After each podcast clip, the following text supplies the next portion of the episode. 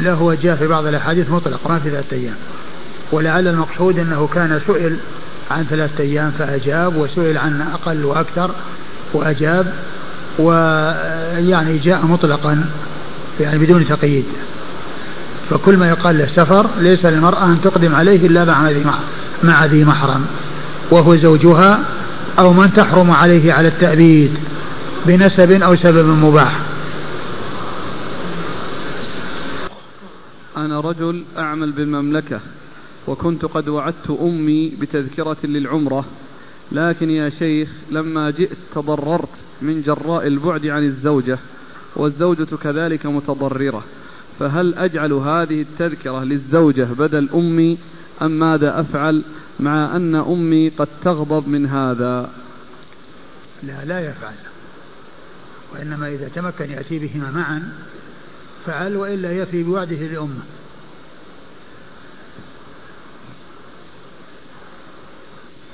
هل يجوز طلاق الحائض إذا كانت في حيضتها الثالثة من بعد طهرين لم يجامعها زوجها فيهما؟ طلاق الحائض لا يجوز لأنه آه، طلاق الحائض غير غير سائغ ولكنه إذا حصل الطلاق وقع وقع ولكن عليه أن يراجعها كما جاء في حديث ابن عمر في قصة تطليق زوجته وهي حائض. من فاته الركوع الأول في صلاة الكسوف فماذا يفعل؟ يقضي ركعة لأن صلاة الكسوف إنما تدرك بإدراك ركوعيها بإدراك ركوعيها. فإذا فاته الركوع الأول فإنه إذا قام يقضي إذا قام إذا إذا سلم الإمام يقضي ركعة بركوعين. نرجو من سماحتكم التكرم بإعادة الجواب لسؤال في يوم الإربعاء وهو إذا تبين لنا خطأ شخص ما وأقمنا عليه الحجة وناقشناه وبينا له الحق ولم يقبل ذلك وأصر على موقفه فهجرناه فهل نخبر غيرنا أن يهجره كما هجرناه؟ المناسب هو كثرة النصح. والحرص على يعني هدايته وعلى إرشاده بل توصون غيركم على نصحه وإرشاده لعل الله أن يهديه لأن الهجر إنما يعني يقصد به الزجر ويقصد به ال يعني ال يعني منعه من الشيء الذي هو فيه. فإذا كان يعني سيؤثر ذلك لا بأس لكن كون الإنسان آه، قد يحصل منه الهجر ولا يحصل منه وراء فائدة فيكون الاتصال به وكثرة الاتصال به ونصحه وتوصية توصية غيره. يعني آه، الإنسان يوصي غيره بأن ينصح. هذا هو الذي ينبغي. ثم أيضا إقامة البينة وإقامة هذا ما كل يقال أنه يتحقق منه إقامة البينة على الإنسان. لأن بعض الإنسان يكون عنده شيء من الجهل فما يكون عنده القدرة ولا يكون عنده التمكن من أنه يعني آه، يعني يقيم البينة. وإنما هذا إذا حصلت إقامة البينة من من ممن عنده علم ومن عنده تمكن هذا هو الذي يقال قامت عليه البينة. وأما مسألة الهجر فهي مسألة أخرى. إذا كان الهجر يترتب عليه مصلحة وكونه يعني ينزجر ويهتدي هذا شيء طيب.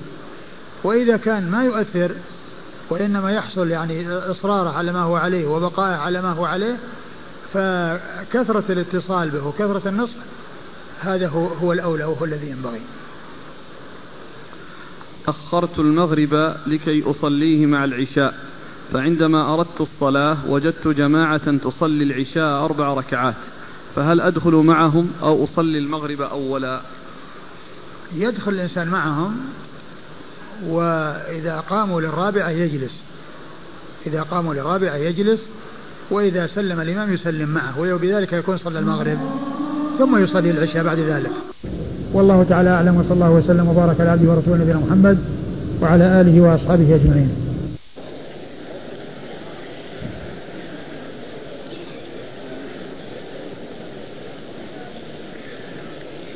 بسم الله الرحمن الرحيم. الحمد لله رب العالمين. والصلاة والسلام على عبد الله ورسوله نبينا محمد وعلى آله وصحبه أجمعين. أما بعد قال الإمام أبو داود السجستاني رحمه الله تعالى باب الجمع بين الصلاتين. قال حدثنا القعنبي عن مالك عن أبي الزبير المكي عن أبي الطفيل عامر بن واثلة أن معاذ بن جبل رضي الله عنهما أخبرهم أنهم خرجوا مع رسول الله صلى الله عليه وآله وسلم في غزوة تبوك فكان رسول الله صلى الله عليه وآله وسلم يجمع بين الظهر والعصر والمغرب والعشاء فأخر الصلاة يوما ثم خرج فصلى الظهر والعصر جميعا ثم دخل ثم خرج فصلى المغرب والعشاء جميعا. بسم الله الرحمن الرحيم. الحمد لله رب العالمين وصلى الله وسلم وبارك على عبده ورسوله نبينا محمد وعلى آله وأصحابه أجمعين. أما بعد فيقول الإمام أبو داود السجستاني رحمه الله باب الجمع بين الصلاتين. وأطلق ذلك ولم يقل في السفر وإن كانت التراجم هي تتعلق بالسفر حيث الترجمة تفريع أبواب صلاة السفر ولكنه أطلق الترجمة في قوله الجمع بين الصلاتين لأنه ذكر تحت هذه الترجمة الجمع في السفر وغير السفر فلم يكن مقيدا ذلك بالسفر وإنما أورد الأحاديث التي فيها الجمع في السفر وفي الحضر. والجمع بين الصلاتين في السفر ثابت عن رسول الله صلى الله عليه وسلم جمع تقديم وجمع تأخير. إذا كان سائرا فإنه يجمع بين الظهر والعصر والمغرب والعشاء إذا جد به السير. وأما إذا كان مقيما وهو مسافر فإن الأولى له ألا يجمع لأن النبي عليه الصلاة والسلام كان في حجة الوداع في الأبطح وفي منى يقصر ولا يجمع. يصلي كل صلاة في وقتها ويقصر رباعية ولا يجمع بينهما.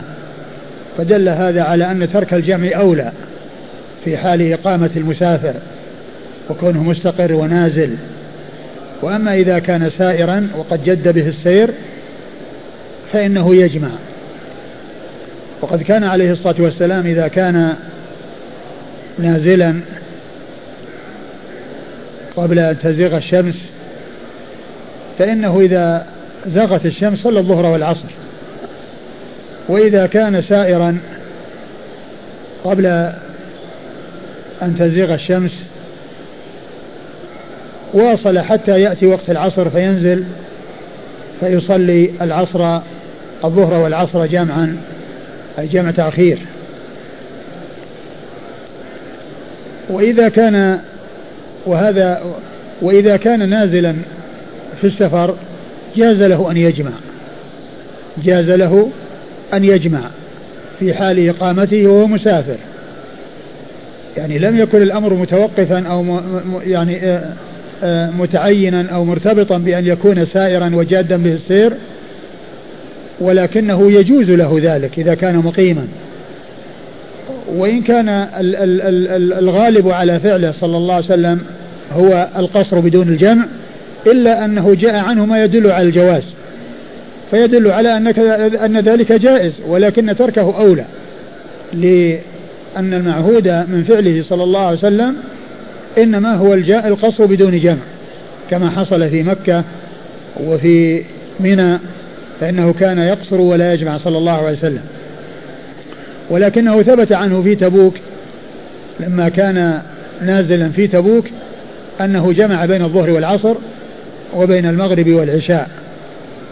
جمع بين الظهر والعصر وبين المغرب والعشاء فدل هذا على جواز الجمع للمسافر في حالة إقامته. في حالة إقامته. وأما إذا كان جادا به السير فإن له أن يجمع إما جمع تقديم وإما جمع تأخير.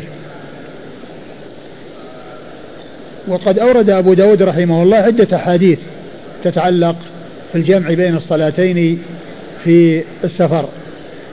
وجاء عنه وأورد بعض الأحاديث عن ابن عباس المتعلقة بالجمع في الحضر المتعلقة بالجمع بالحضر. وأن النبي صلى الله عليه وسلم جمع في المدينة ثمانيا وسبعا أي الظهر والعصر ثمانيا والمغرب والعشاء سبعا من غير من غير خوف ولا مطر. ولما سئل ابن عباس قال أراد أراد أن لا يحرج أمته. فجاء الجمع في الحضر وجاء الجمع في السفر. وأيضا جاء الجمع في حق المريض. فإن له أن يجمع بين الصلاتين ولكن ليس له أن يقصر. المريض يجمع ولا يقصر. أورد أبو داود حديث معاذ بن جبل رضي الله تعالى عنه قال خرجوا مع رسول معاذ يقول خرجوا مع رسول الله صلى الله عليه وسلم في غزوة تبوك فكان رسول الله صلى الله عليه وآله وسلم يجمع بين الظهر والعصر. والمغرب والعشاء فأخر الصلاة يوما ثم خرج وصلى الظهر والعصر جميعا ثم دخل ثم خرج وصلى المغرب والعشاء جميعا.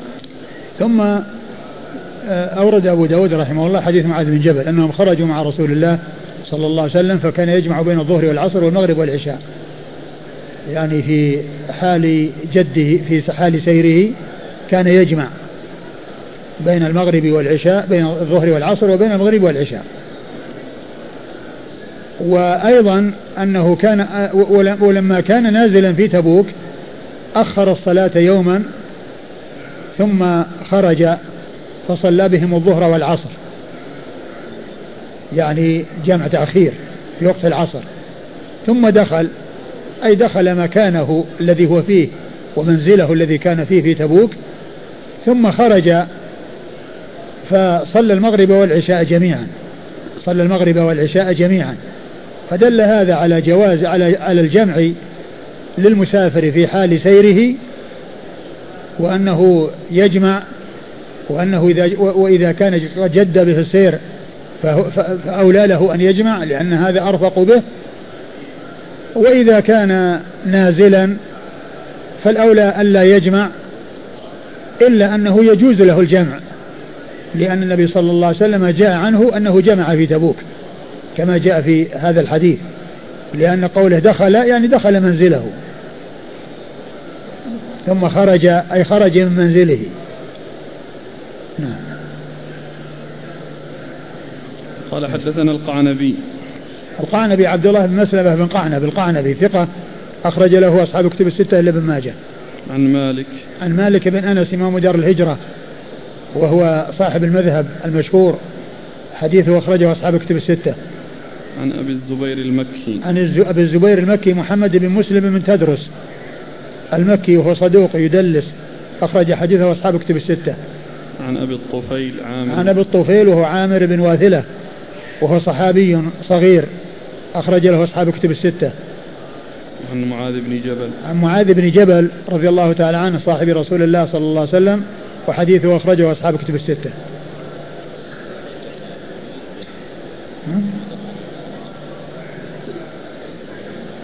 إيه. طبعا طويل يعني خرج يعني للصلاة. لصلاة الصلاتين الأخريين اللي هي المغرب والعشاء. يعني معناه التعبير بالخروج يعني أنه كان نازلا والدخول يدل على أنه كان نازلا لأن المسافر يعني يصلي ويمشي أو ينزل ويصلي ويمشي.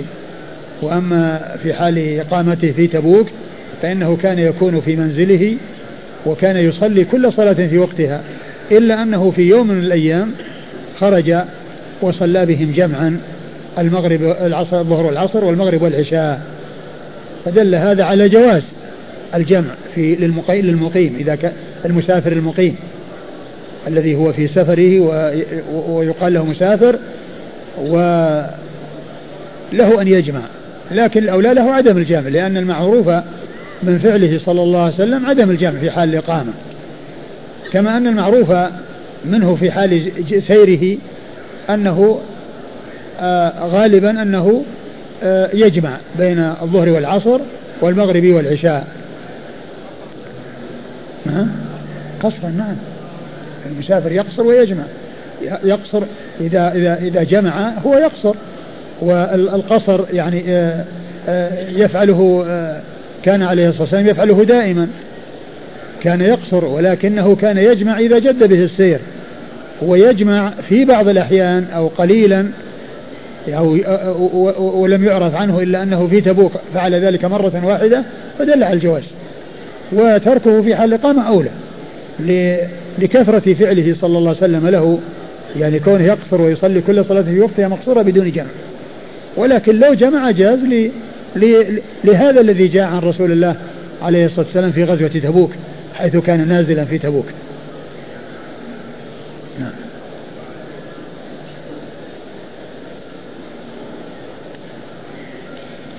قال حدثنا سليمان بن داود العتكي قال حدثنا حماد قال حدثنا أيوب عن نافع أن ابن عمر رضي الله عنهما استصرخ على صفية وهو بمكة فسار حتى غربت الشمس وبدت النجوم فقال إن النبي صلى الله عليه وآله وسلم كان إذا عجل به أمر في سفر جمع بين هاتين الصلاتين فسار حتى غاب الشفق فنزل فجمع بينهما. ثم أورد أبو داود رحمه الله حديث ابن عمر رضي الله تعالى عنهما أن النبي أن أنه كان استصرخ على صفية يعني أنه أخبر يعني بمرضها وصفية هي زوجته وهي صفية بنت أبي عبيد الثقفية أخت المختار بن أبي عبيد الذي ادعى النبوة وقال عنه الرسول صلى الله عليه وسلم يخرج في ثقيف كذاب ومبير. والكذاب هو المختار بن أبي عبيد والمبير هو الحجاج. كما قال ذلك أسماء آه، بنت أبي بكر رضي الله عنه أنه لما قتل ابنها أو لما قتل حصل قتل ابنها في آه، في مكة جاء إليها الحجاج وقالت إن النبي عليه الصلاة والسلام قال إنه يخرج في ثقيف حجاج كذاب ومبير أما الكذاب فقد عرفناه وأما المبير فلا يخاله إلا أنت. وأما المبير فلا يخاله إلا أنت. والمبير هو المهلك الذي يحصل منه الظلم ويحصل منه الجور. والصفية هذه هي زوجة عبد الله بن عمر وهي أخت المختار ابن أبي عبيد الثقفية. واستصرخ يعني جاءه خبر أو أعلم يعني بمرضها فسار و ولما ولما جاء وقت صلاة المغرب يعني قيل له فيعني واصل السفر حتى غاب الشفق يعني ودخل وقت العشاء فنزل وصلى المغرب والعشاء وصلى المغرب والعشاء جمع تأخير وقال إن النبي صلى الله عليه وسلم كان إذا جد به السير صنع مثل ذلك يعني أنه إذا كان جاء وقت المغرب وهو سائر واصل حتى يأتي وقت العشاء. وإذا كان مقيما قبل صلاة المغرب وجاء وقت المغرب وهو مقيم فإنه يصلي المغرب والعشاء ويمشي. ومعنى ذلك أنه بحصول الجمع يتباعد أوقات الصلوات بعضها عن بعض فيكون السير متصلا. بمعنى أنه لو جمع بعد بين بين المغرب والعشاء جمع بين بين الظهر والعصر في أول وقت الظهر يمكن أن يواصل إلى قريب من نصف الليل. يعني حيث يعني يكون قريب من انتهاء وقت العشاء. قريب من انتهاء وقت العشاء فيجمع بينهما. فيكون السير متصل يعني إذا أراد يعني له ذلك. ولكن المبادرة للصلاة في أول وقتها يعني حتى لا تعرض للتأخير عن وقتها هذا هو الذي ينبغي. ولكن أداء الصلاة في وقتها قبل أن يخرج وقتها بحيث يعني يؤدي صلاة المغرب وصلاة العشاء قبل نصف الليل فإن هذا هو وقت صلاة العشاء. فابن عمر رضي الله عنه آه، أخر صلاة المغرب حتى دخل وقت العشاء وهو مغيب الشفق فصلى المغرب والعشاء. جمع تأخير وقال إن النبي صلى الله عليه وسلم هكذا كان يصنع إذا جد به السير. إيش قال في المتن؟ أن ابن عمر رضي الله عنهما استصرخ على صفية وهو بمكة فسار حتى غربت الشمس وبدت النجوم فقال إن النبي صلى الله عليه وآله وسلم كان إذا عجل به أمر في, في إذا عجل به أمر في سفر جمع بين هاتين الصلاتين. فسار حتى غاب الشفق فنزل فجمع بينهما. يعني قال لهم ذلك يعني لما كان في وقت المغرب فأخر حتى جاء وقت العشاء فنزل وجمع بينهما. فدل هذا على الجمع آه، للمسافر في حال آه، جد السير به. نعم. قال حدثنا سليمان بن داود العتكي. سليمان بن داود العتكي هو أبو الربيع الزهراني. وهو ثقة أخرج له البخاري ومسلم وأبو داود. البخاري ومسلم وأبو داود والنسائي. عن حماد. عن حماد وهو ابن زيد ثقة أخرجه أصحاب كتب الستة. عن أيوب. عن أيوب بن أبي تميم السختياني ثقة أخرجه أصحاب كتب الستة. عن نافع. عن نافع مولى بن عمر ثقة أخرج له أصحاب كتب الستة. عن عبد الله بن عمر بن الخطاب رضي الله تعالى عنهما أحد العباد له الأربعة من أصحاب النبي عليه الصلاة والسلام وأحد السبعة المعروفين بكثرة الحديث عن النبي صلى الله عليه وسلم.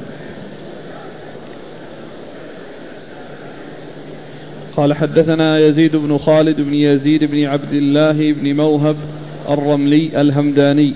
قال حدثنا المفضل بن فضالة والليث بن سعد عن هشام بن سعد عن أبي الزبير عن أبي الطفيل عن معاذ بن جبل رضي الله عنهما أن رسول الله صلى الله عليه وآله وسلم كان في غزوة تبوك إذا زاغت الشمس قبل أن يرتحل جمع بين الظهر والعصر. وإن يرتحل قبل أن تزيغ الشمس أخر الظهر حتى ينزل للعصر. وفي المغرب مثل ذلك إن غابت الشمس قبل أن يرتحل جمع بين المغرب والعشاء. وإن يرتحل قبل أن تغيب الشمس أخر المغرب حتى ينزل للعشاء. ثم جمع بينهما. ثم ورد أبو داود حديث معاذ بن جبل رضي الله تعالى عنه. أن النبي صلى الله عليه وسلم كان كان إيش؟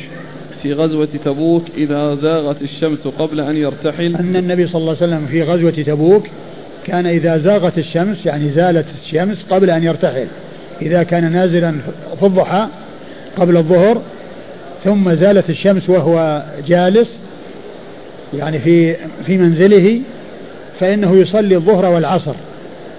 يصلي الظهر والعصر في أول وقت الظهر جمع تقديم ثم يرتحل. وإذا كان جادا به السير يعني قبل الظهر هو ساير ليس نازلا وجاء وقت الظهر وهو سائر فإنه يؤخر الظهر حتى يأتي وقت العصر بحيث يكون مواصل. السير يعني مواصلا للسير.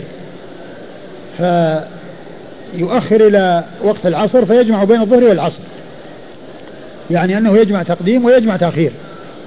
يجمع تقديم ويجمع تأخير. وهنا فيه جمع التقديم وجمع التأخير. لأنه إن كان نازلا قبل أن تزيغ الشمس ويعني جاء وقت الزوال فإنه يصلي الظهر والعصر ثم يرتحل.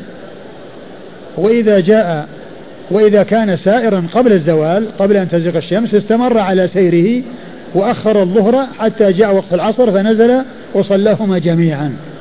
وصلاهما جميعا. نعم. وكذلك المغرب والعشاء. إذا كان نازلا قبل غروب الشمس وغربت الشمس وهو نازل قام صلى المغرب والعشاء ومشى.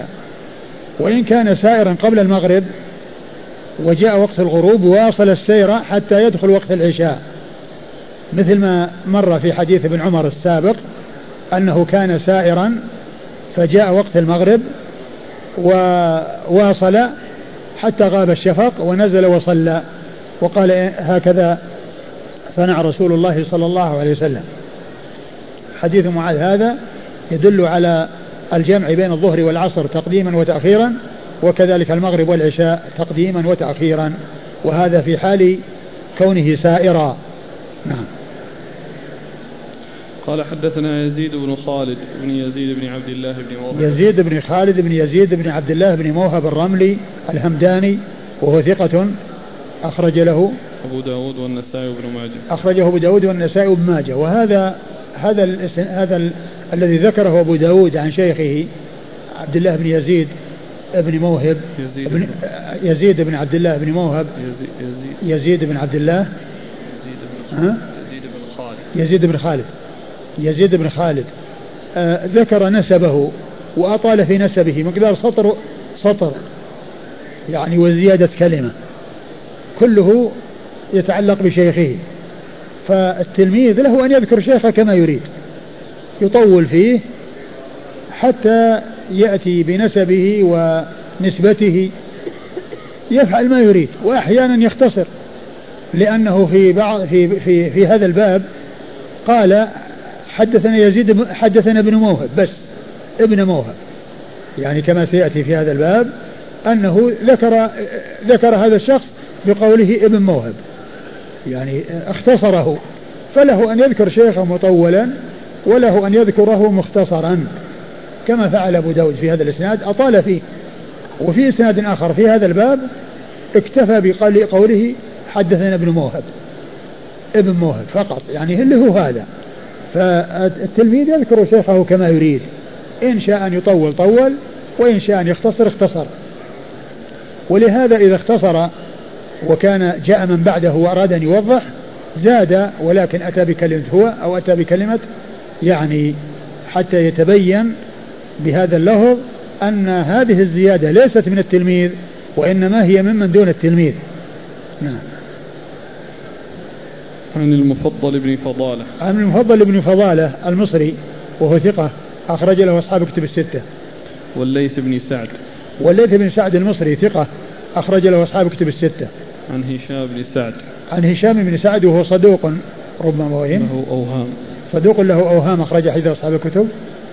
البخاري تعليقا ومسلم وأصحاب السنن أخرج حديثه البخاري تعليقا ومسلم وأصحاب السنن عن أبي الزبير عن أبي الطفيل عن معاذ بن جبل. عن أبي الزبير عن أبي الطفيل عن معاذ بن جبل وقد مر ذكر الثلاثة. قال أبو داود رواه هشام بن عروة عن حسين بن عبد الله عن كريب عن ابن عباس رضي الله عنهما عن النبي صلى الله عليه وآله وسلم نحو حديث المفضل والليث. ثم ورد أبو داود هذه الطريقة المعلقة وأشار فيها إلى أن آه، ابن عباس رواه نحو حديث المفضل والليث. أيوة. قال أبو داود رواه هشام بن هشام بن سعد مر هشام بن عروة. هشام بن عروة هو ثقة أخرجه أصحاب كتب الستة. عن حسين بن عبد الله. عن حسين بن عبد الله وهو ضعيف. وهو ضعيف أخرج له. الترمذي وابن ماجه. أخرجه الترمذي وابن ماجه. هنا ما ذكر أبو داود؟ لأنه جاء في المعلقات يعني ما روى له في الأسانيد المتصلة. أيوة. عن كريب. عن كريب مولى ابن عباس وهو ثقة أخرج له أصحاب كتب الستة. عن ابن عباس. عن ابن عباس عبد الله بن عباس بن عبد المطلب ابن عم النبي صلى الله عليه وسلم وأحد العباد له الأربعة من الصحابة وأحد السبعة المعروفين بكثرة الحديث عن النبي صلى الله عليه وسلم. قال حدثنا قتيبة قال حدثنا عبد الله بن نافع عن أبي مودود عن سليمان بن أبي يحيى عن ابن عمر رضي الله عنهما أنه قال ما جمع ما جمع رسول الله صلى الله عليه وآله وسلم بين المغرب والعشاء قط في السفر إلا مرة. نعم. قال أبو داود وهذا يروى عن أيوب عن نافع عن ابن عمر موقوفا على على ابن عمر أنه لم يرى ابن عمر لم يرى ابن عمر جمع بينهما قط إلا تلك الليلة. يعني ليلة استصرخ على صفية وروي من حديث مكحول عن نافع أنه رأى ابن عمر فعل ذلك مرة أو مرتين. ثم أورد أبو داود حديث ابن عمر أن النبي صلى الله عليه وسلم لم يرى لم أن النبي صلى الله عليه وسلم ما جمع رسول الله صلى الله عليه وسلم بين المغرب والعشاء قط في السفر إلا مرة. ما جمع رسول الله صلى الله عليه وسلم بين المغرب والعشاء قط في السفر إلا مرة واحدة إلا مرة وهذا فيه آه، أن النبي صلى الله عليه وسلم ما حصل ذلك منه إلا مرة واحدة ولكن هذا غير صحيح ولم يثبت عن رسول الله صلى الله عليه وسلم أنه كان لا يجمع يعني في السفر إلا مرة واحدة وإنما هذا يعني جاء عن ابن عمر موقوف عليه كما ذكر ذلك المصنف في الطريقين آه، المعلقتين اللتين أشار إليهما في أحدهما أنه مرة واحدة والثانية أنه مرة أو مرتين والثانية أنه مرة أو مرتين. لكن الحديث آه، غير ثابت. إيش إسناده؟ قال حدثنا قتيبة. عن عبد الله. عبد الله نعم عن قتيبة بن سعيد بن جميل بن طريف ثقة أخرجه أصحاب كتب الستة. عن عبد الله. بن نافع. ابن نافع وهو صدوق. قال ثقة صحيح الكتاب وهو ثقة صحيح الكتاب في حفظه لين. أخرج حديثه. البخاري في الأدب المفرد ومسلم وأصحاب السنن. البخاري في الأدب المفرد ومسلم وأصحاب السنن. عن أبي مودود. عن أبي مودود وهو عبد العزيز بن أبي سليمان. عبد العزيز بن أبي سليمان وهو مقبول وهو مقبول. أخرج له أبو داود والترمذي والنسائي. أخرجه أبو داود والترمذي والنسائي. عن سليمان بن أبي يحيى. عن سليمان بن أبي يحيى وهو ليس به بأس. وليس به بأس وهي بمعنى ثقة. أخرج له ليس به بأس. ليس به بأس. بأس. نعم. ليس به بأس. هي بمعنى مثل مثل صدوق. تعادل صدوق. ليس به بأس كما ذكرنا مرارا وتكرارا عند الحافظ بن حجر بمعنى صدوق وحديثه أخرجه أبو داود. أخرجه أبو داود. عن ابن عمر. عن ابن عمر وقد مر ذكره. وعلى هذا فهو يعني آه، فيه من هو مقبول. وهذا يخالف ما يعني آه، عرف عن رسول الله صلى الله عليه وسلم من جمعه وأنه كان يجمع يعني في السفر وقد جمع في تبوك كما سبق أن مر حيث خرج وصلى بهم يعني يعني صلى الظهر والعصر ثم دخل وخرج وصلى المغرب والعشاء فصلى المغرب والعشاء. نعم. قال أبو داود وهذا يروى عن أيوب. أيوب بن أبي تميمة مر ذكره. عن نافع عن ابن عمر موقوفا على ابن عمر أنه لم يرى ابن عمر جمع بينهما قط إلا تلك الليلة يعني ليلة استصرخ على صفية. وروي يعني التي التي مرت الإشارة إليها وأنه كان سار ولما يعني غربت الشمس قيل له فاستمر وقال إن النبي صلى الله عليه وسلم يعني جمع فلما غاب الشفق نزل وصلى بهم. يعني أنه صلى تلك الليلة.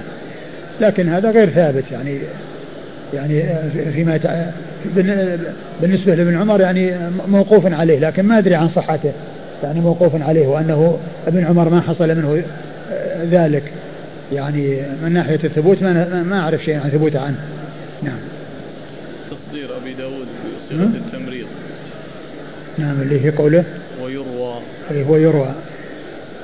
يمكن يمكن هذا فيه إشارة إلى يعني ضعف الطريق إليه. وهو أيضا ما ذكرها متصلة ذكرها معلقة. أي نعم. ثم قال وروي من حديث مكحول عن نافع أنه رأى ابن عمر فعل ذلك. مرة أو مرتين. نعم. فعل ذلك مرة أو مرتين. وهذا كذلك أيضا. مكحول هو الشامي وهو ثقة أخرج حديثه البخاري في جزء في خلق في جزء القراءة ومسلم وأصحاب السنن. بالنسبة للجمع جمع التأخير يذكر الفقهاء بأنه لا بد لمن أراد أن يجمع جمع تأخير أن ينوي ذلك وإلا وقع في الإثم. ما صحة هذا الكلام. وعلى كل كل صلاة صلى في وقتها فإذا جاء وقت المغرب يعني آه، ولم يرد أن ينزل فإنه يعني معناه أنه نوى التأخير أنه نوى التأخير. يعني الإنسان عندما يأتي وقتها يعني إما أن يعني ينزل ويصلي أو أنه يؤخر أو أنه يؤخر لأنه لا بد في وقت الصلاة كون الإنسان آه، يستحضر الصلاة وأنه جاء وقت الصلاة فإذا كان يريد أن يصلي نزل وإن كان يريد أن أن يواصل يواصل ولكنه يعني نوى بذلك التأخير. ومسألة المدة التي تفصل بين الصلاتين. يعني من أراد الجمع. ما هي المدة التي ممكن أن يفصل بينها؟ إن أحيانا مثلا آه، خاصة بالنسبة للمطر يصلون المغرب ثم يتشاورون. هل لا هو هو هو هو التشاور يعني ينبغي أن يكون قبل صلاة المغرب. يعني هل يجمعون أو لا يجمعون؟ يعني هل هناك مدة لا يجوز بعدها الجمع؟ يعني لابد الصلاة الثانية تلو تلو الأولى مباشرة أو في فاصل؟ لا هو يمكن أن يكون هناك فاصل. يعني مثل مثل ما حصل أنه في مزدلفة يعني آه، في المغرب ثم حطوا الرحال ثم صلوا العشاء.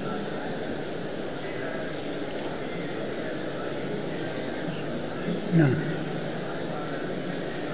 قال يعني هو يعني الفاصل اليسير لا يؤثر بس ما في تنفل لا يسبح بينهما.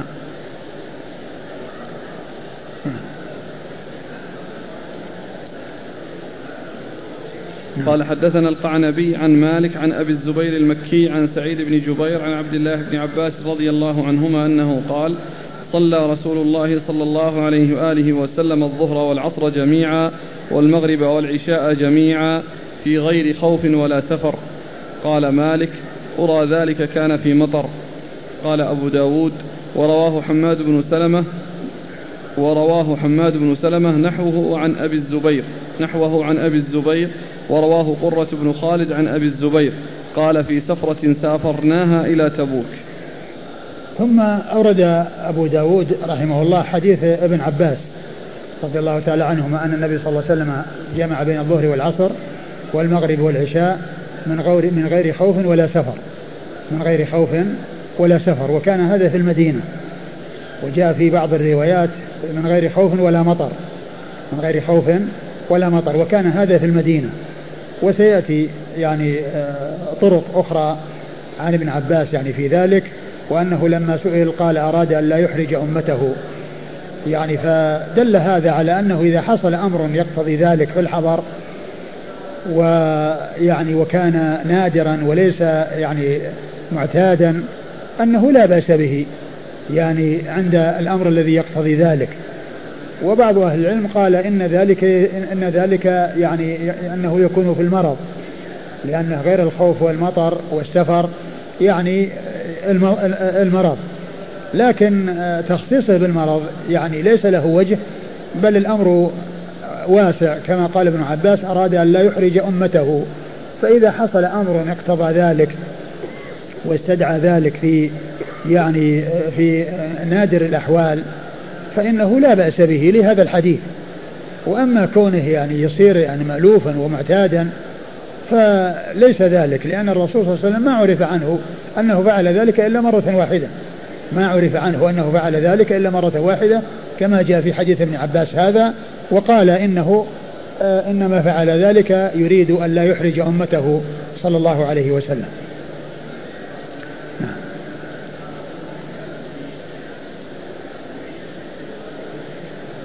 في قوله في غير خوف ولا سفر. هذه مسوغات الجمع.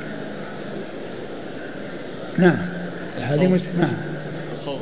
أي نعم. الخوف يعني يسوغ الجمع ويسوغ يسوغ يعني صلوات أخرى يعني للصلاة آه، آه، آه، كما هو معلوم خاصة كما سيأتي يعني صفاتها. بل يعني جاء في بعض الأحاديث أنها تصلى واحدة. وأنها تصلى يعني على هيئات مختلفة. نعم. قال حدثنا القعنبي عن مالك عن أبي الزبير المكي عن سعيد بن جبير. سعيد بن جبير ثقة أخرجه أصحاب كتب الستة. عن عبد الله بن عباس. وقد مر ذكره. قال مالك أرى ذلك كان في مطر. قال مالك أرى ذلك كان في مطر يعني في يوم مطير. ولكن قد جاء جاءت يعني الروايات عن ابن عباس وفيها التنصيص في نفي المطر. من غير خوف ولا مطر. نعم. قال أبو داود ورواه حماد بن سلمة نحوه عن أبي الزبير. حماد بن سلمة بن دينار ثقة أخرجه البخاري تعليقا ومسلم وأصحاب السنة. ورواه قرة بن خالد عن أبي الزبير قال في سفرة سافرناها إلى تبوك. ورواه قرة بن خالد لكن قرة بن خالد فيه أنه كان في آه، سفر وأن ذلك مع رسول الله صلى الله عليه وسلم. ويكون هذا يعني معناه غير هذا الذي كان في المدينة. قرة بن خالد. قرة بن خالد آه، ثقة أخرجه أصحاب الكتب. نعم. أخرجه أصحاب الكتب الستة. قال حدثنا عثمان بن أبي شيبة قال حدثنا أبو معاوية قال حدثنا الأعمش عن حبيب بن أبي ثابت عن سعيد بن جبير عن ابن عباس رضي الله عنهما أنه قال جمع رسول الله صلى الله عليه وآله وسلم بين الظهر والعصر والمغرب والعشاء بالمدينة من غير خوف ولا مطر. فقيل لابن عباس رضي الله عنهما ما أراد إلى ذلك؟ قال أراد ألا يحرج أمته.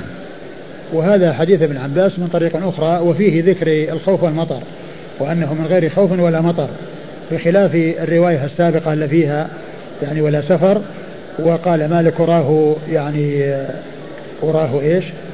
هناك؟ هناك اللي راح. أراه ك... أرى ذلك كان في مطر. أرى ذلك كان في مطر. يعني هذه الرواية تبين أنه ما كان في مطر وإنما هو قال من غير خوف ولا مطر. نعم.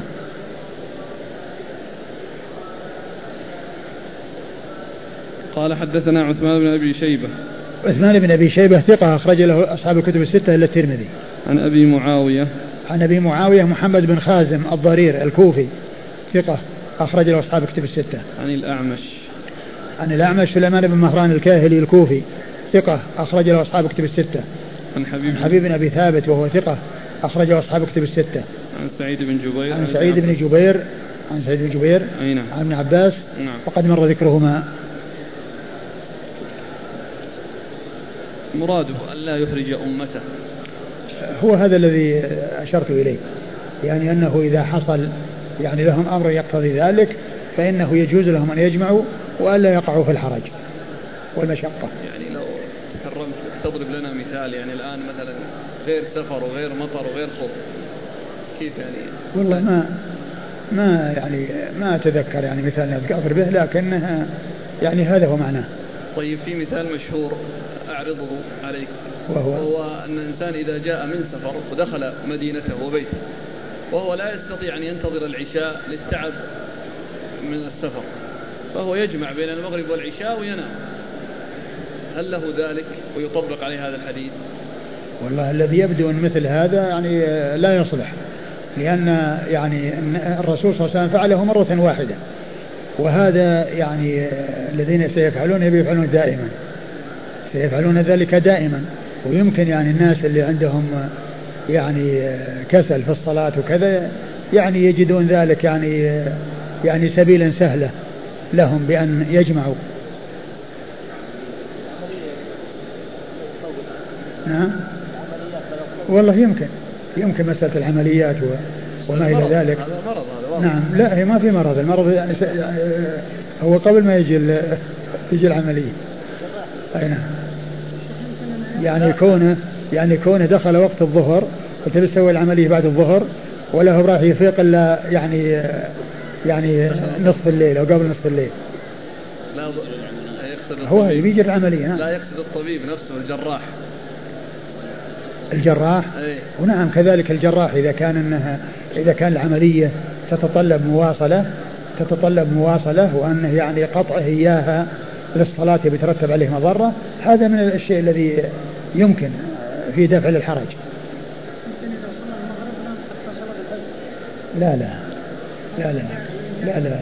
لا قضية نعم. الذي جاء من سفر. أيوة.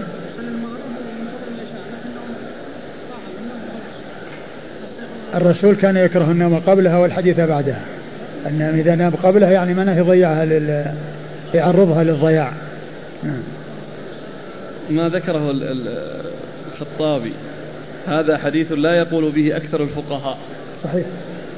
أكثر الفقهاء ما قالوا بهذا.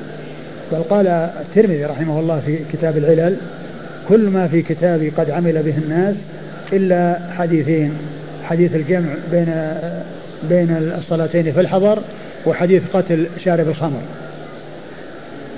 ولكن قال به بعض الفقهاء.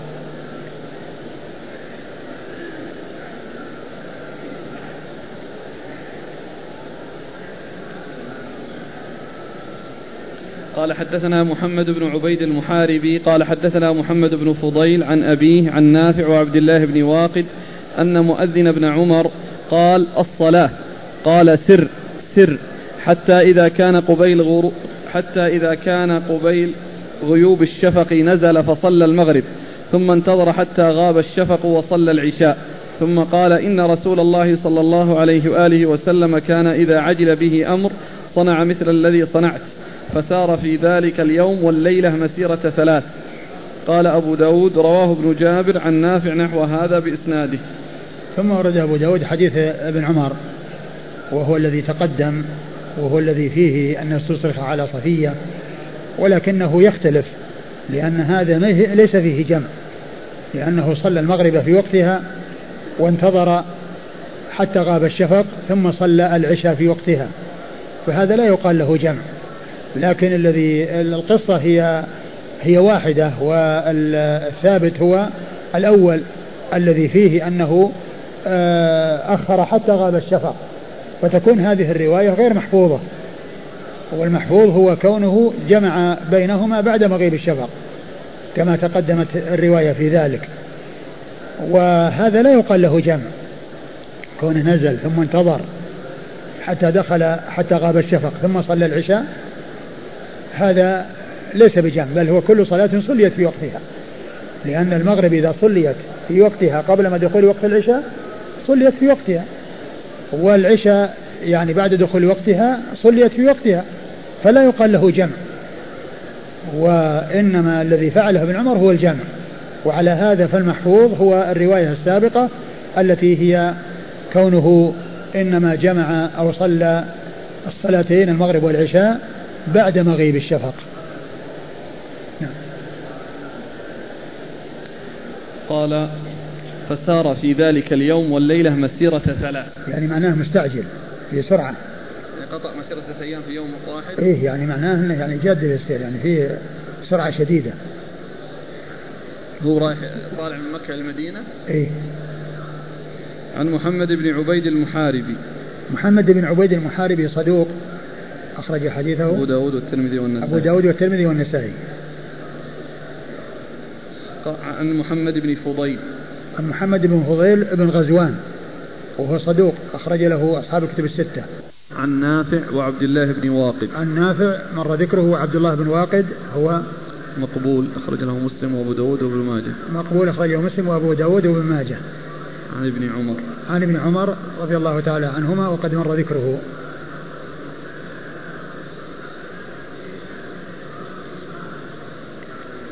يعني كأنها في اختصار لأنه قال أن مؤذن ابن عمر قال الصلاة قال سر. نعم لأنها هو مثل الذي تقدم أنه لما غاب الشفق حدثهم وقال أن النبي صلى الله عليه وسلم كان إذا عجل بالسير يعني صلى أخر الصلاة فهو لما جاء وقت الصلاة قالوا الصلاة.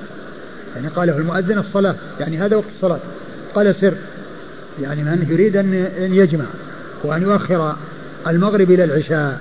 ولما غاب الشفق نزل وصلى وقال إن الرسول صلى الله عليه وسلم يعني صنع مثل ما فعلت فعلت. يعني حيث يعني يجد به السير وحتى يعني حيث يكون سائرا فإنه يواصل السير حتى يأتي وقت الصلاة الثانية فينزل ويجمع بين الصلاتين. جمع تأخير. قال أبو داود رواه ابن جابر عن نافع. ابن جابر هو عبد الرحمن بن يزيد بن جابر وهو ثقة أخرجه أصحاب الكتب؟ نعم. أخرجه أصحاب الكتب الستة. قال حدثنا إبراهيم بن موسى الرازي قال أخبرنا عيسى عن ابن جابر بهذا المعنى. ثم ورد الإسناد وأشار إلى أنه بهذا المعنى أي المتقدم في الحديث السابق. نعم. قال حدثنا إبراهيم بن موسى الرازي. إبراهيم موسى الرازي ثقة أخرج له؟ أصحاب الكتب. أخرجه أصحاب الكتب الستة. عن عيسى. عن عيسى وهو بن يونس بن أبي إسحاق وهو ثقة أخرجه أصحاب الكتب الستة. عن ابن جابر. عن ابن جابر وهو عبد الرحمن بن يزيد بن جابر الذي تقدم. قال أبو داود ورواه عبد الله بن العلاء عن نافع أنه قال حتى إذا كان عند ذهاب الشفق نزل فجمع بينهما.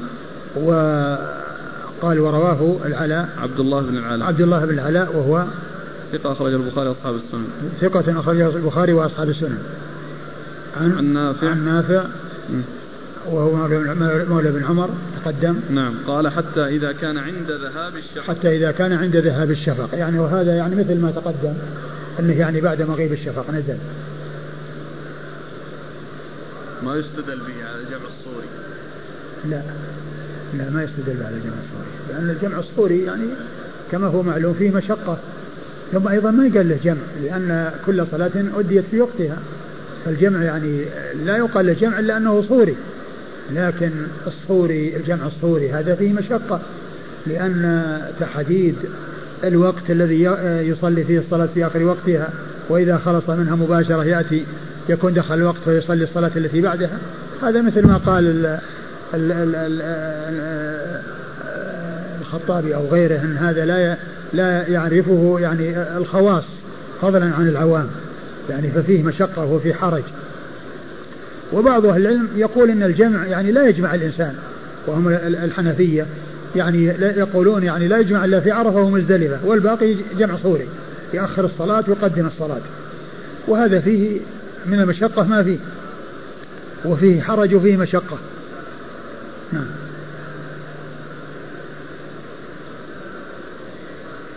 قال حدثنا سليمان بن حرب ومسدد. قال حدثنا حماد بن زيد. قال حاء وحدثنا عمرو بن عون. قال أخبرنا حماد بن زيد عن عمرو بن دينار عن جابر بن زيد عن ابن عباس رضي الله عنهما أنه قال صلى بنا رسول الله صلى الله عليه وآله وسلم بالمدينة ثمانيا وسبعا الظهر والعصر والمغرب والعشاء ولم يقل سليمان ومسدد بنا. قال أبو داود ورواه صالح مولى التوأمة عن ابن عباس رضي الله عنهما قال في غير مطر. ثم أورد أبو داود حديث ابن عباس وهو الذي تقدم من طرق أورد هنا من طريق. وهو أنه صلى النبي صلى الله, صلى الله عليه وسلم صلى بهم في المدينة الظهر والعصر ثمانيا والمغرب والمغرب والعشاء سبعا يعني وكان ذلك في المدينة قال من إيش؟ من غير خوف أو ما قال في شيء. الطريقة الأخرى في غير مطر. نعم ومن طريق يعني صالح مولى التمأم من غير مطر لكن من غير خوف ولا مطر مر في الرواية السابقة. نعم. ثمانية أيام وسبعة ليالي؟ لا ثمان ثمان ركعات. يعني ثمان الظهر والعصر أربعا والمغرب والعشاء سبعا. يعني صلى جمع بين الصلاتين ثمان ركعات اللي هي الظهر والعصر. والمغرب والعشاء سبع ركعات. يعني هي مرة واحدة. أقول هي مرة واحدة. قال حدثنا سليمان بن حرب. سليمان بن حرب ثقة أخرجه أصحاب كتب الستة. ومسدد مسدد ثقة أخرجه البخاري تعليقا البخاري وأبو داود والترمذي والنسائي. عن حماد بن زيد. حماد بن زيد ثقة أخرجه أصحاب كتب الستة. قال حاء وحدثنا عمرو بن عون. عمرو بن عون ثقة أخرجه البخاري أخرج له أبو داود والنسائي في مسند علي. عمرو بن عون. عمرو بن عون من خرج له؟ أصحاب الكتب. أصحاب الكتب. عمرو بن عون أجل ذاك اللي هذاك عمرو بن عوف. عمرو بن عون ها؟ في واحد مر معنا عمرو بن عوف. لعله أظن ذاك الثاني يمكن.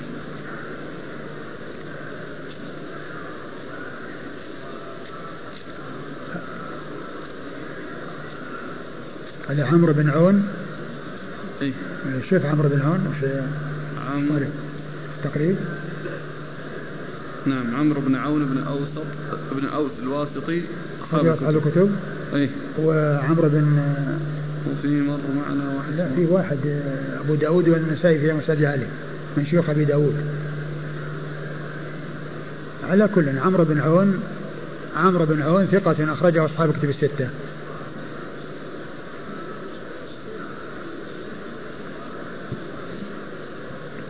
عن حماد بن زيد عن عمرو بن دينار. عمرو بن دينار ثقة المكي ثقة أخرجه أصحاب الكتب الستة.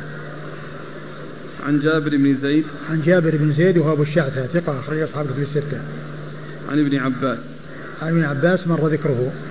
يقول ولم يقل سليمان ومسدد بنا كلمة بنا يعني صلى بنا يعني هي التي قالها عمرو بن عون وأما الشيخان الأولان في الإسناد الأول لم يقولا كلمة بنا وإنما كلمة بنا جاءت في الإسناد الثاني أو الطريقة الثانية. قال أبو داود ورواه صالح مولى التوأمة عن ابن عباس. صالح مولى التوأمة صالح بن نبهان وهو صدوق اختلط. نعم. أخرجه أبو داود والترمذي وابن ماجه. أخرجه أبو داود والترمذي وابن ماجه.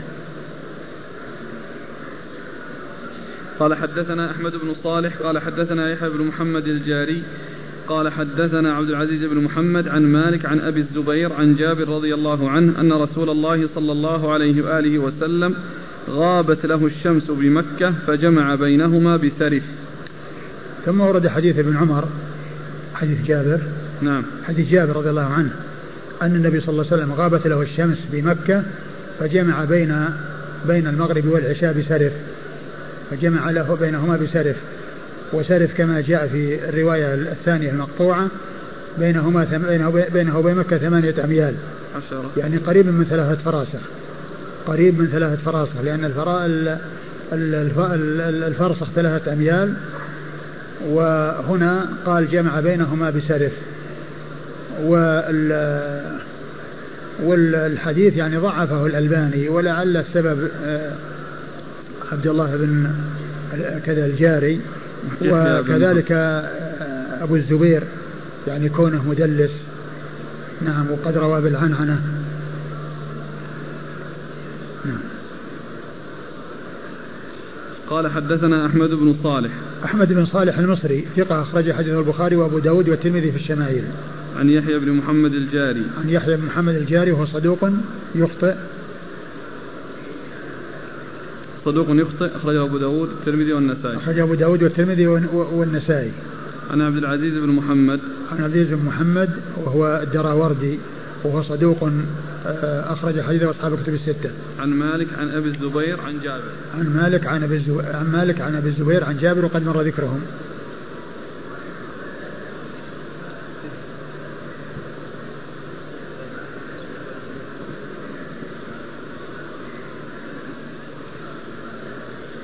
سرف الآن على اسمها ولا لها اسم ثاني؟ والله ما أدري ما أدري.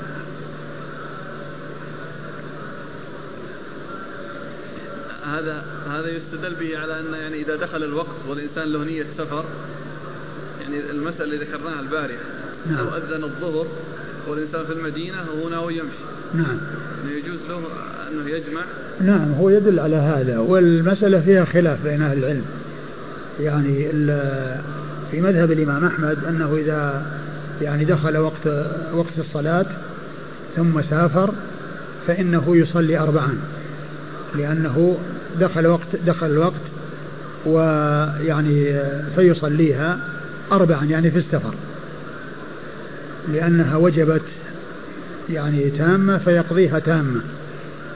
وعن أحمد رواية أخرى وعليها الأئمة الثلاثة أبو حنيفة والشافعي ومالك أنه يصليها قصرا. ذلك لأن الوقت موسع. وذلك أن الوقت موسع. ويعني لم يكن الفرض يعني لازم في أول وقت.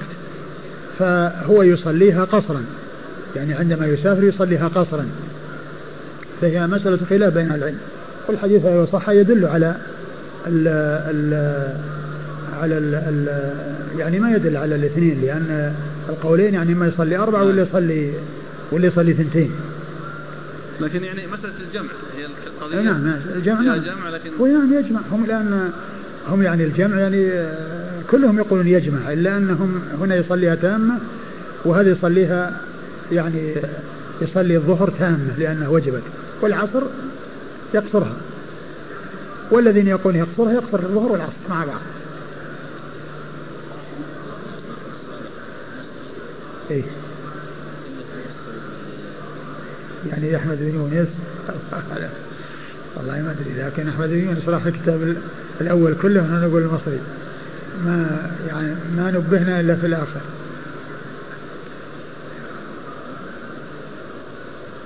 قال حدثنا محمد أحسن الله أنت قلت أنها ضعيف ضعف الشيخ. اي نعم الشيخ الألباني ضعفها.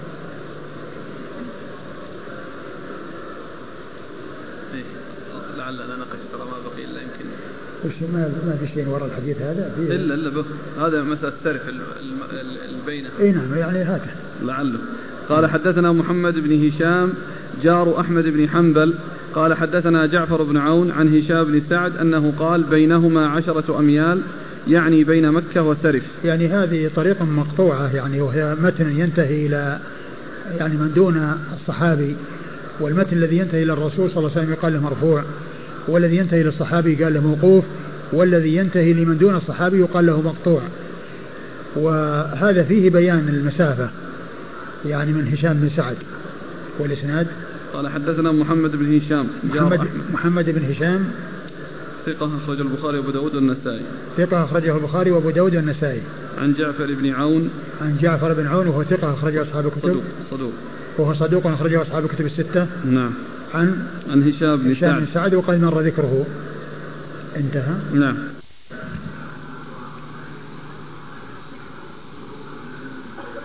بسم الله الرحمن الرحيم. آه، في المجلد الأول كان مر معنا حديث في باب القراءة في صلاة الكسوف.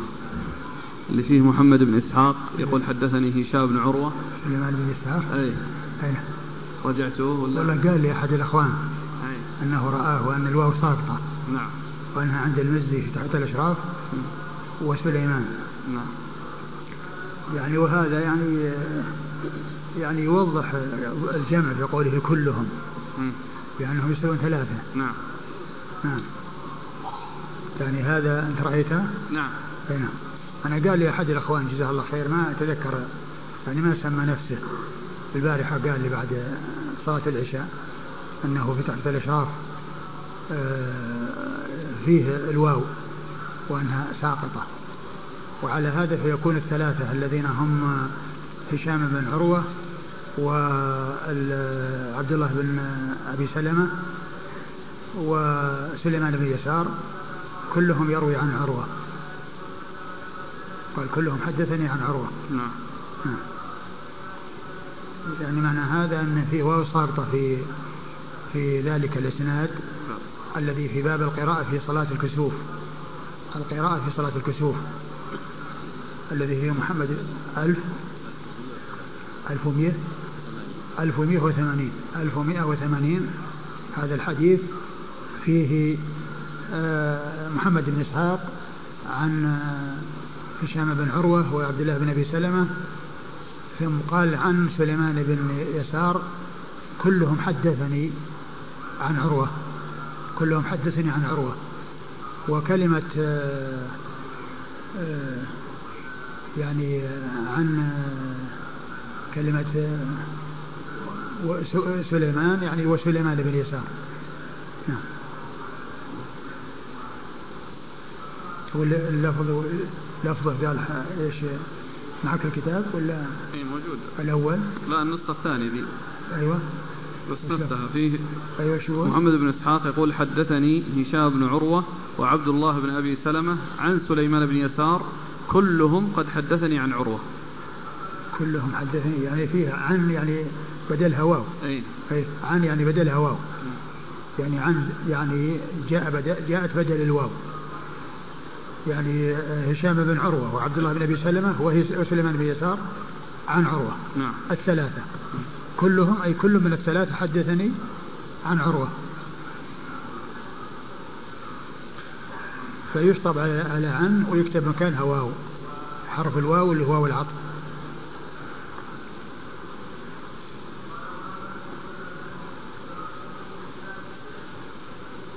يقول فضيلة الشيخ حفظك الله هل يجوز أن نقول أين الثرى من الثريا؟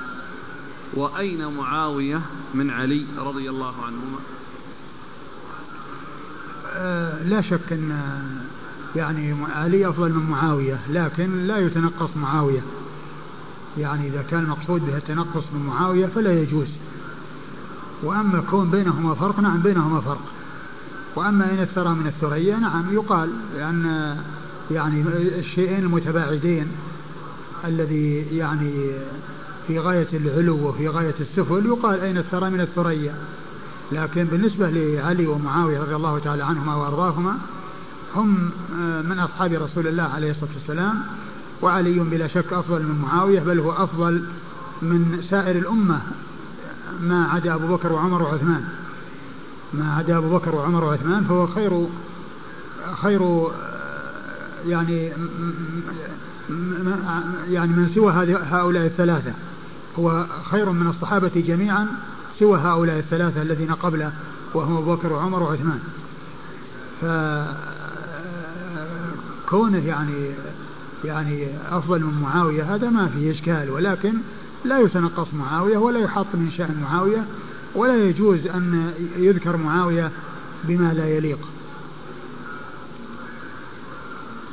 يقول هل يمكن الجمع في حال الدراسة في مدرسة تمنع الطلاب من الخروج إلى الصلاة فيفوت وقتها وهذا يحدث كثيرا في بلادنا؟ إذا كان أنهم يصلون في المدرسة. لا ممنوع ما يخرج من القاعة من الفصل ممنوع الخروج. حتى يخرج الوقت؟ أي يخرج وقت الظهر؟ يقول يدخلون الساعة الواحدة ظهرا أيوة. ويخرجون قبيل المغرب. قبيل المغرب؟ أي لا لا يجوز أبدا لا يجوز الإنسان يعني أنه يدرس يعني ب يعني في مدارس تمنعه من أداء الصلاة في وقتها. وبالنسبة يعني الساعة واحدة إذا كان الوقت يعني قد دخل يمكن يصلي قبل يصلي الظهر قبل. يصلي الظهر العصر الظهر. العصر. ولكن العصر إذا كان أنه يعني س يعني يخرج وقتها الاضطراري الاختياري يخرج وقتها الاختياري فلا يجوز تأخيرها عن ذلك. وإذا كان الناس يلزمونه فليبحث عن مدرسة أخرى ما آه، تلزمه بفعل هذا الأمر المنكر. نقرأ في ترجمة بعض الصحابة وهو أحد البكائين. فما مرادهم بذلك؟ في ترجمة أحد الصحابة؟ أي في ترجمة من؟ ماذا؟ من يقول هذا السائل يعني؟ من؟ في ترجمة من؟ أحد البكائين. يعني إذا كان صحيح يعني معناه أنه كثير البكاء. يعني معناه أنه معروف بكثرة البكاء. مثل أبو بكر رضي الله عنه كان كثير البكاء. وعائشة رضي الله عنها قالت أنه لا يملك نفسه يعني إذا قام مقام الرسول صلى الله عليه وسلم من البكاء. فيعني إذا كان هذا هو المقصود أنه يعني يبكي من خشية الله. ما هو مقدار نصاب الزكاة بالريال السعودي؟ 56 ريال من الفضة وقيمتها من الورق. 56 فضة قيمتها من الورق هو النصاب. فإذا كان قيمتها في السوق الريال الفضي بعشرة ريالات من الورق يصير 560 وإذا كان أكثر أو أقل فالمعتبر هو القيمة.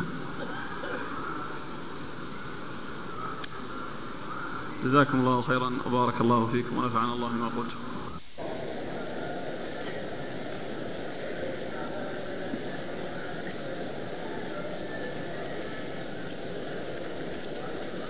بسم الله الرحمن الرحيم. الحمد لله رب العالمين. والصلاة والسلام على عبد الله ورسوله نبينا محمد وعلى آله وصحبه أجمعين. أما بعد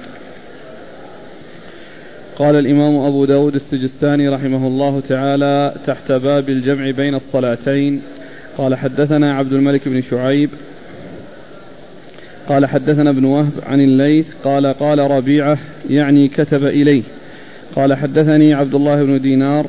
قال غابت الشمس وأنا عند عبد الله بن عمر رضي الله عنهما فسرنا فلما رأيناه قد أمسى قلنا الصلاة فسار حتى غاب الشفق وتصوبت النجوم.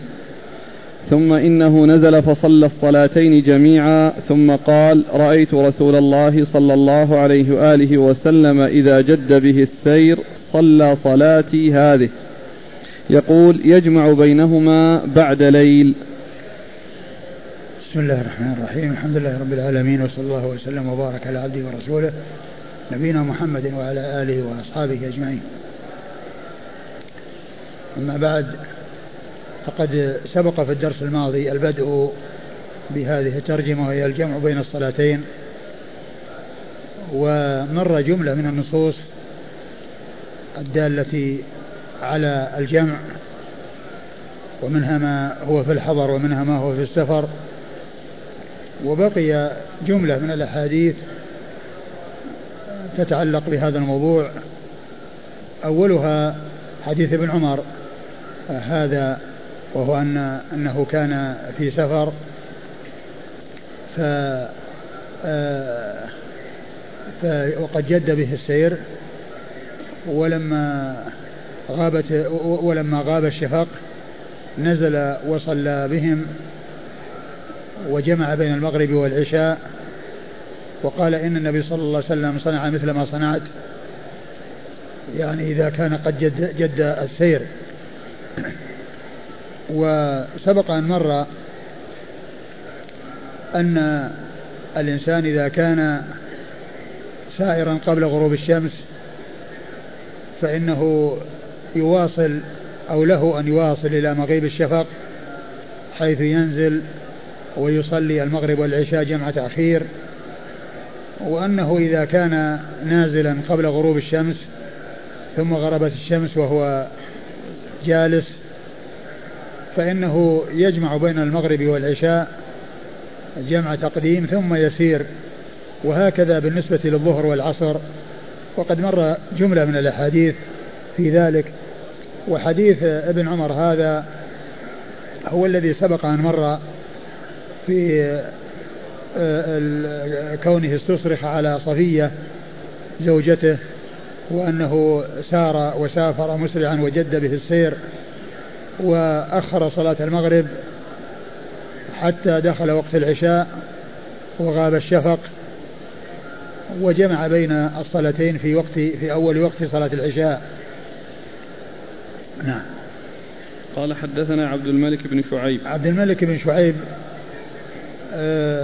وهو ثقة أخرج حديثه مسلم وأبو داود والنسائي. عن ابن وهب. عن ابن وهب عبد الله بن وهب المصري ثقة أخرج له أصحاب كتب الستة. عن الليث. عن الليث بن سعد المصري وهو ثقة أخرج له أصحاب كتب الستة. قال ربيعة. قال ربيعة هو ربيعة بن أبي عبد الرحمن وهو ثقة أخرج له أصحاب كتب الستة. يعني كتب إليه. يعني كتب إليه يعني أن رواية الليث عن ربيعة إنما كانت مكاتبة. إنما كانت مكاتبة. قال ربيعة يعني أنه كتب إليه يعني بذلك. فالرواية إنما هي عن طريق المكاتبة. والرواية عن طريق المكاتبة صحيحة وهي من طرق من طرق التحمل. وقد فعلها البخاري رحمه الله في صحيحه فإنه في موضع من المواضع قال كتب إلي محمد بن بشار. وساق الإسناد مع أن محمد بن بشار من شيوخه الذين أكثر من الرواية عنهم وهو من صغار شيوخه كما عرفنا ذلك وقد جاء في بعض الأحاديث أنه قال كتب إلي محمد بن بشار وساق الإسناد. فالمكاتبة هي طريقة صحيحة والأخذ بها يعني آه، صحيح. نعم. عن عبد الله بن دينار. عن عبد الله بن دينار وهو ثقة أخرج له أصحاب كتب الستة. عن عبد الله بن عمر.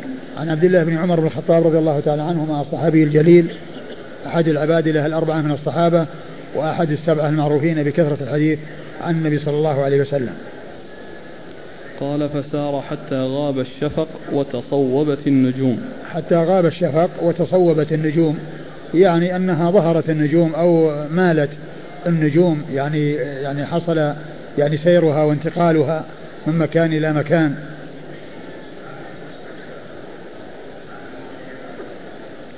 قال أبو داود رواه عاصم بن محمد عن أخيه عن سالم ورواه ابن أبي نجيح عن إسماعيل بن عبد الرحمن بن ذؤيب أن الجمع بينهما من ابن عمر كان بعد غيوب الشفق.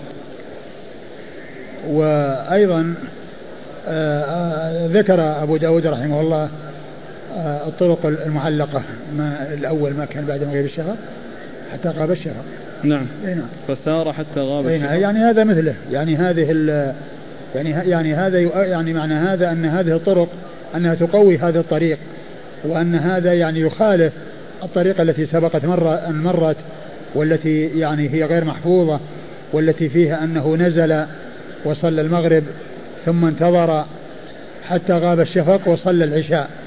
حتى غاب الشفق وصلى العشاء. يعني أن هذا هو المحفوظ. يعني هذا الذي جاء من طرق متعددة ومنها هذه الطرق وكذلك الطرق السابقة. يعني تدل على أن المحفوظ هو أنه إنما كان صلى بعد مغيب الشفق.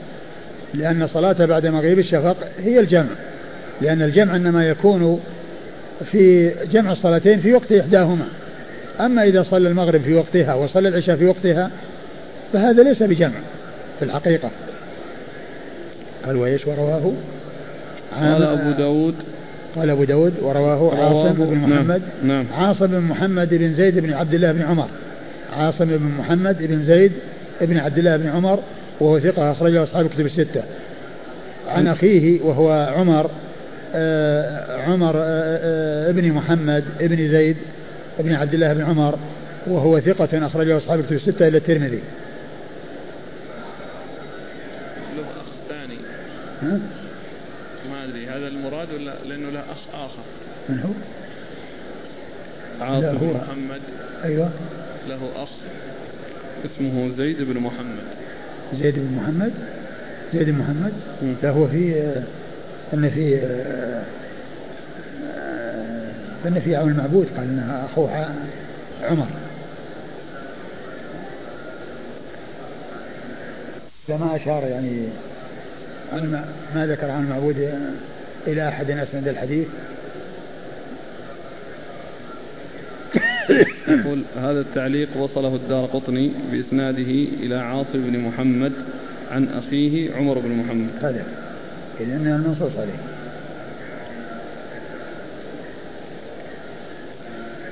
عمر بن محمد بن زيد ابن عبد الله بن عمر ثقة أخرجه أصحاب الكتب الستة إلى الترمذي. شوف هكذا في في تقريب إلى الترمذي.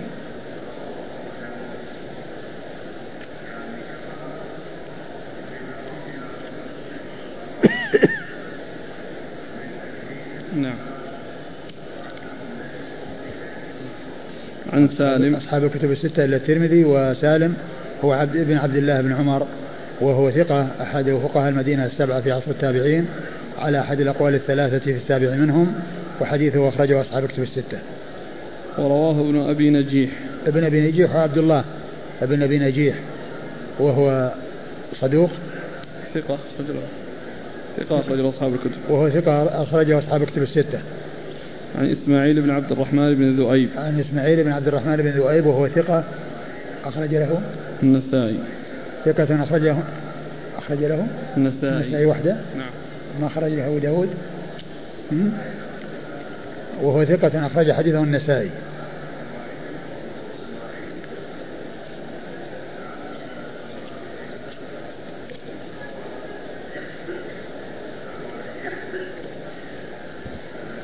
قال حدثنا قتيبة وابن موهب المعنى قال حدثنا المفضل عن عقيل عن ابن شهاب عن أنس بن مالك رضي الله عنه أنه قال كان رسول الله صلى الله عليه وآله وسلم إذا ارتحل قبل أن تزيغ الشمس أخر الظهر إلى وقت العصر ثم نزل فجمع بينهما فإن زاغت الشمس قبل أن يرتحل صلى الظهر ثم ركب.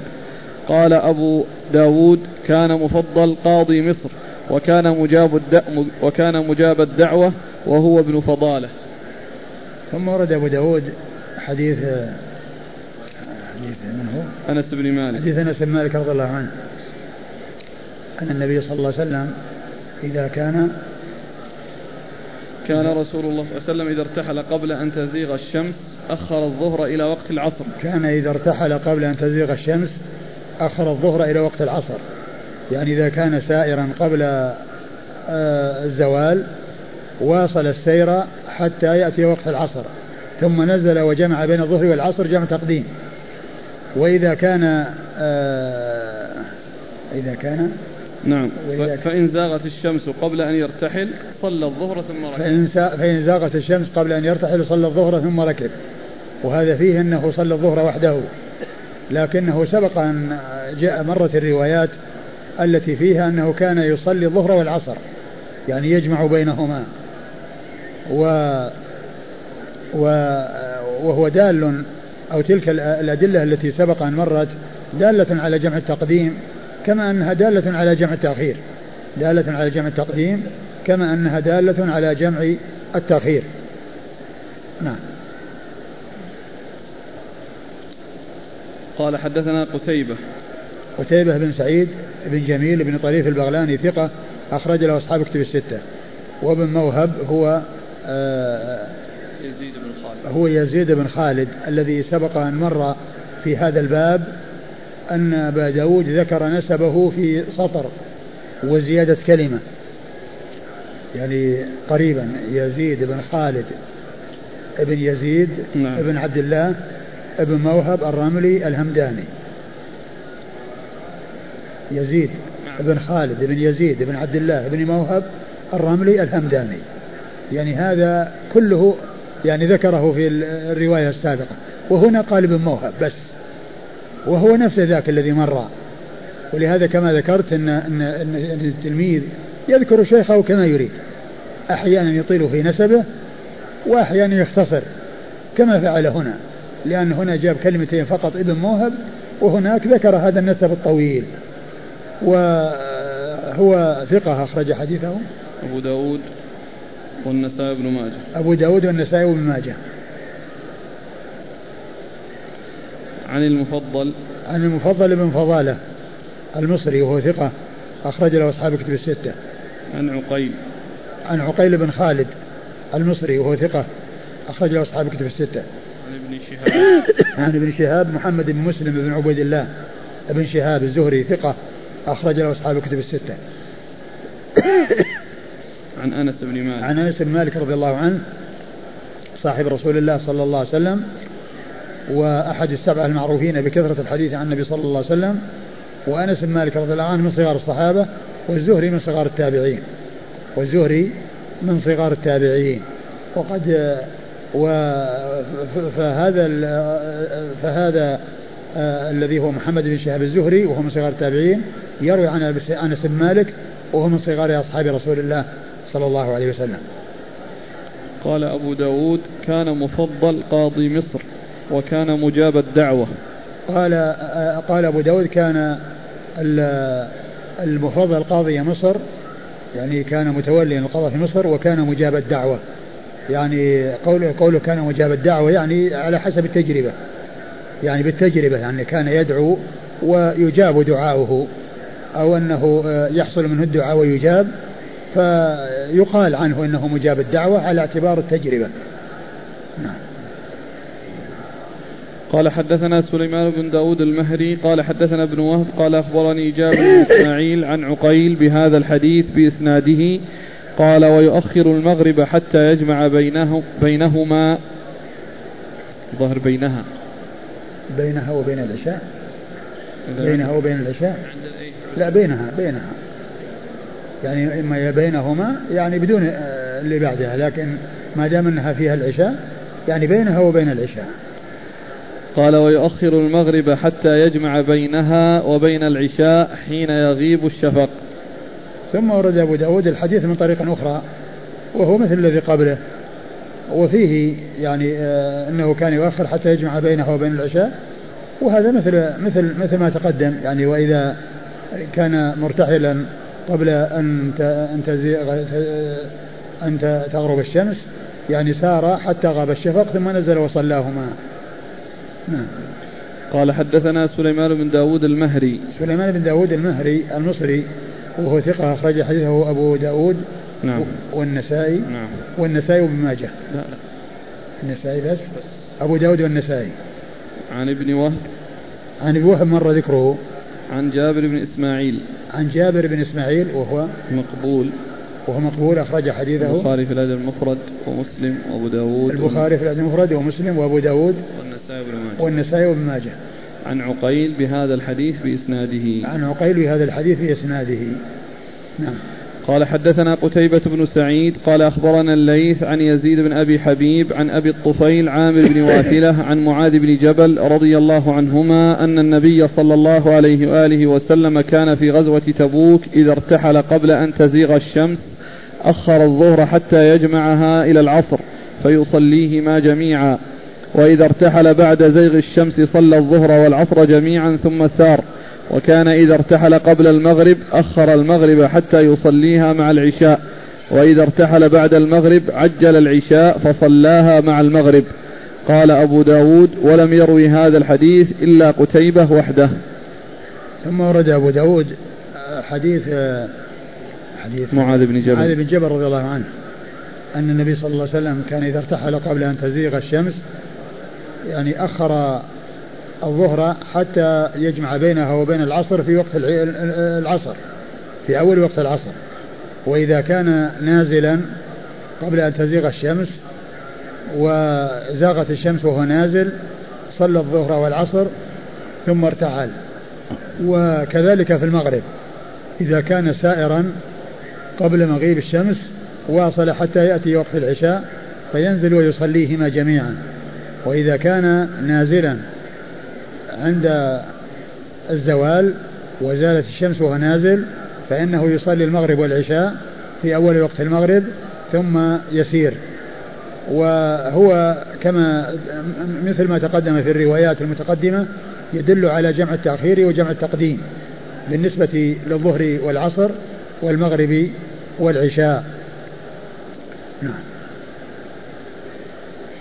قال حدثنا قتيبة بن سعيد قتيبة مر ذكره. عن الليث عن والليث مر ذكره. عن يزيد بن أبي حبيب. يزيد بن أبي حبيب هو أيضا مصري ثقة أخرج له أصحاب كتب الستة. عن أبي الطفيل عامر بن واثلة. عن أبي الطفيل عامر بن واثلة هو صحابي صغير أخرج له أصحاب كتب الستة. عن معاذ بن جبل. عن معاذ بن جبل رضي الله عنه صاحب رسول الله صلى الله عليه وسلم وحديثه أخرجه أصحاب كتب الستة. قال أبو داود ولم يروي هذا الحديث إلا قتيبة وحده. وقال قال أبو داود ولم يروي هذا الحديث إلا قتيبة وحده يعني بهذا التفصيل وإلا يعني عن الليث وإلا فإنه قد روي عنه يعني في طرق متقدمة لكن ليس فيه هذا التفصيل. وهذا التفصيل الذي فيه آه، مطابق لما سبق أن مر في بعض الأحاديث. نعم.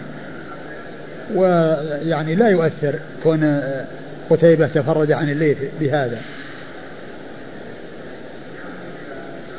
قال رحمه الله تعالى باب قصر باب قصر قراءة الصلاة في السفر. قال حدثنا حفص بن عمر قال حدثنا شعبة عن علي بن ثابت عن البراء رضي الله عنه أنه قال خرجنا مع رسول الله صلى الله عليه وآله وسلم في سفر فصلى بنا العشاء الآخرة فقرأ في إحدى الركعتين بالتين والزيتون. ثم ورد أبو داود رحمه الله باب قصر القراءة في الصلاة في السفر يعني تقليلها وعدم تطويلها كما يكون في الحضر يعني وذلك لما في السفر من المشقة ولما فيه أيضا من الحاجة إلى التخفيف ومن أجل التمكن من المواصلة مواصلة السير ف آه، هذا هو المقصود من الترجمة قصر القراءة في الصلاة في السفر يعني تقليلها وعدم تطويلها.